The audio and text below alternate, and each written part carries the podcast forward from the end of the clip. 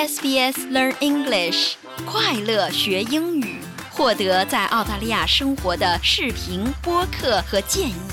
sbs 点 com 点 au 前斜线 Learn English。您正在收听的是 SBS 中文普通话节目。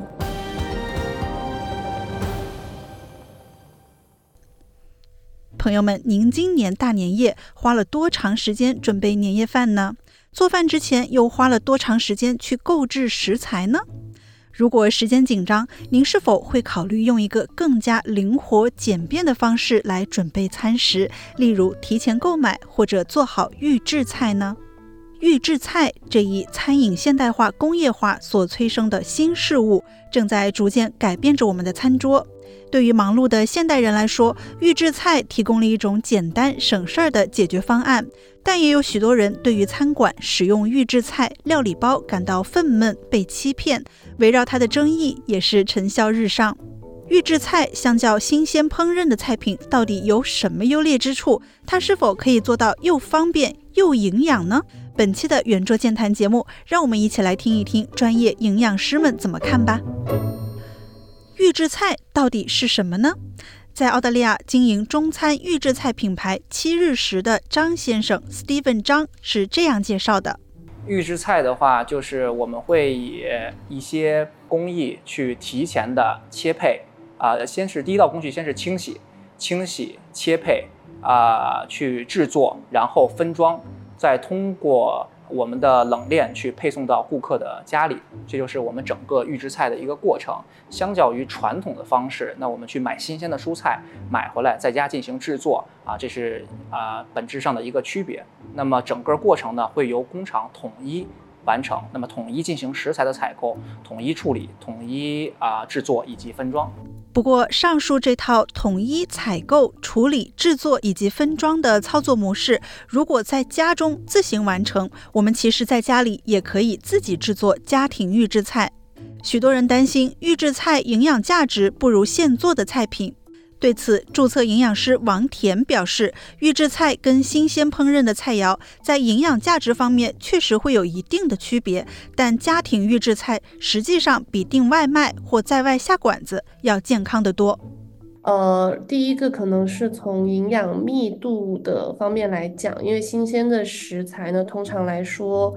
呃，它的营养价值会更高，原因是因为就有一些维生素或者矿物质，它们可能是水溶性的。那如果是你新鲜去去食用的时候呢，它能更多的去保留这样子的它们的一个营养价值。像包括有一些预制菜，它可能做好了以后会涉及到一个重新加热的过程，那这个再加热是不是也会导致一些营养价值的流失呢？对，它有一些营养素吧，比如说，就像我刚才提到的水溶性维生素，比如说像维生素 C，呃，还有 B 族维生素，它可能在本身在烹饪过程当中，它就会流失一部分，然后你再加工的时候，有的时候对某些蛋白质的一些结构，它可能也会有。有一些影响，呃，然后第二个就是我们可能有一些预制菜里面可能会有一些呃添加物或者防腐剂，那当然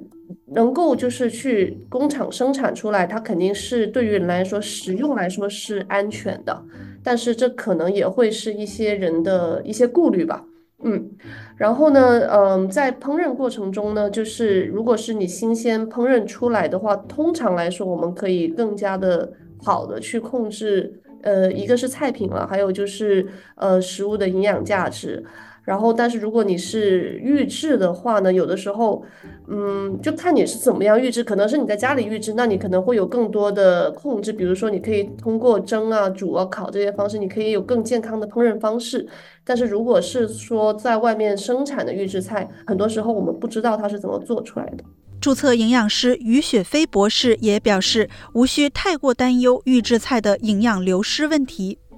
实际上，这个预制菜的这个营养方面的流失，用一个简短的回答来说，它可能不会比我们家庭的这个制作的一些菜流失的更多。我们一般就是营养价值的流失，都是因为食物暴露在高热或者光照或者氧气的过程下，会导致一个营养的损失。但是这个呃，在冷冻的时候，这个营养价值实际上是最大保留的。所以我们在预制菜这里呢，呃，它的营养损失都是因为冷冻前的加工和冷冻食品解冻后的这个加热的烹饪导致的。啊，所以预制菜经过热加工处理，流失的营养素一般主要是它蔬菜里的维生素和少量的一些矿物质。它的膳食纤维和它的蛋白质其实流失的并不多，但是由于我们在食用预制菜的时候会进行二次加热，那么这样的重复加热会导致相对来说多一点的营养流失。那难道预制菜就没有什么相应的健康风险吗？因为我们也知道它其实争议也挺大的。嗯，一般它的这个，比如说像细菌滋生类的卫生风险，一般是会。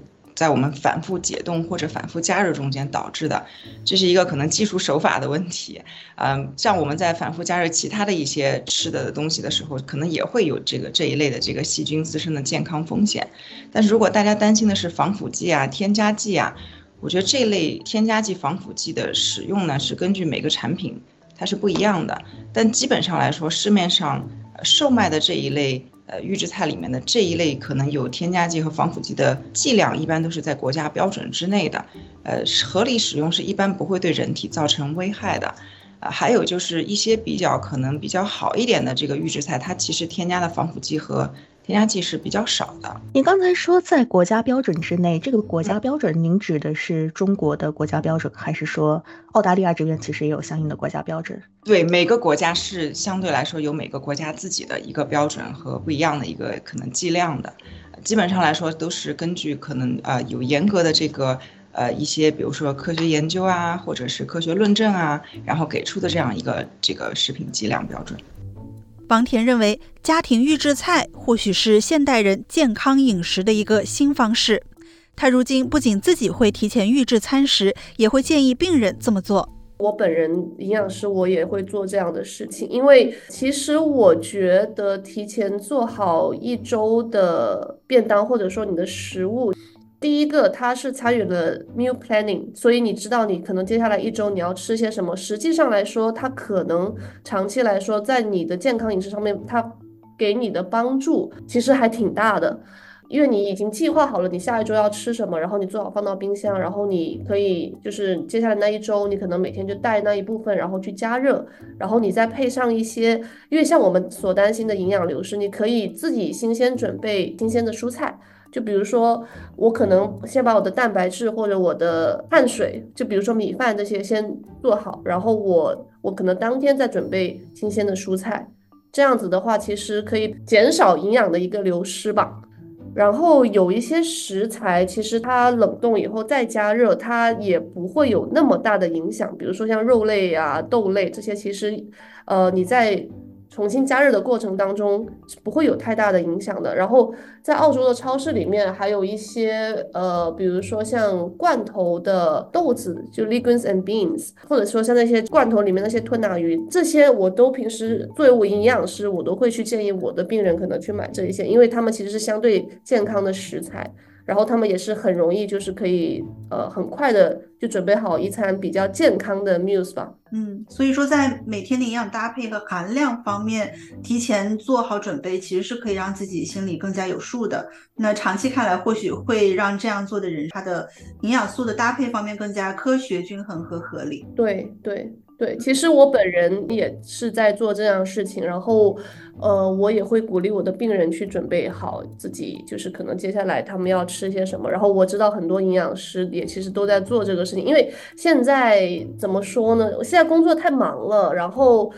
呃，一个是工作忙，其实每天煮饭、每天开火，我觉得不太现实。那么，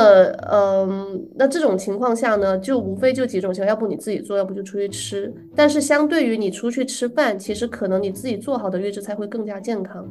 特别是如果说你已经知道你下一周要吃些什么，然后你只需要把就是我们刚才所提到的，可能我会担心，呃，我提前煮了我的蔬菜可能会有营养流失，那你就当天准备好你的蔬菜，或者甚至你可以买一些。呃，新鲜的小番茄、小黄瓜回来，你就现切出来，然后就要配合着你已经煮好的肉，还有你的主食，比如说米饭，或者说意粉，或者说面条，你加热，然后一起吃，其实也是蛮健康营养的。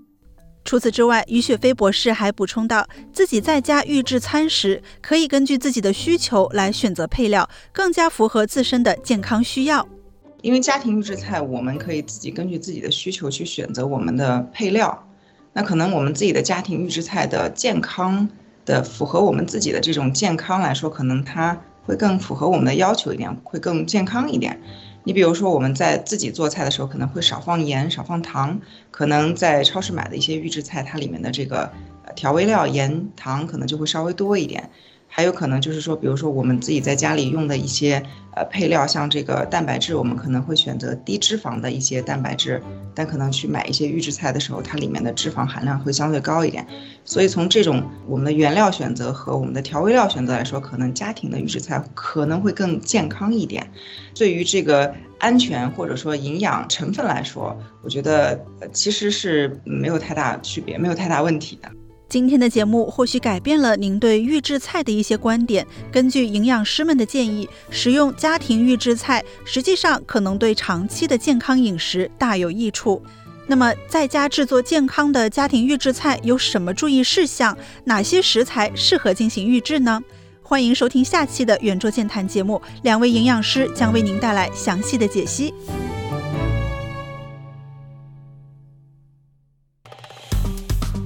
喜欢、分享、评论，欢迎您在 Facebook 上关注 SBS 普通话页面。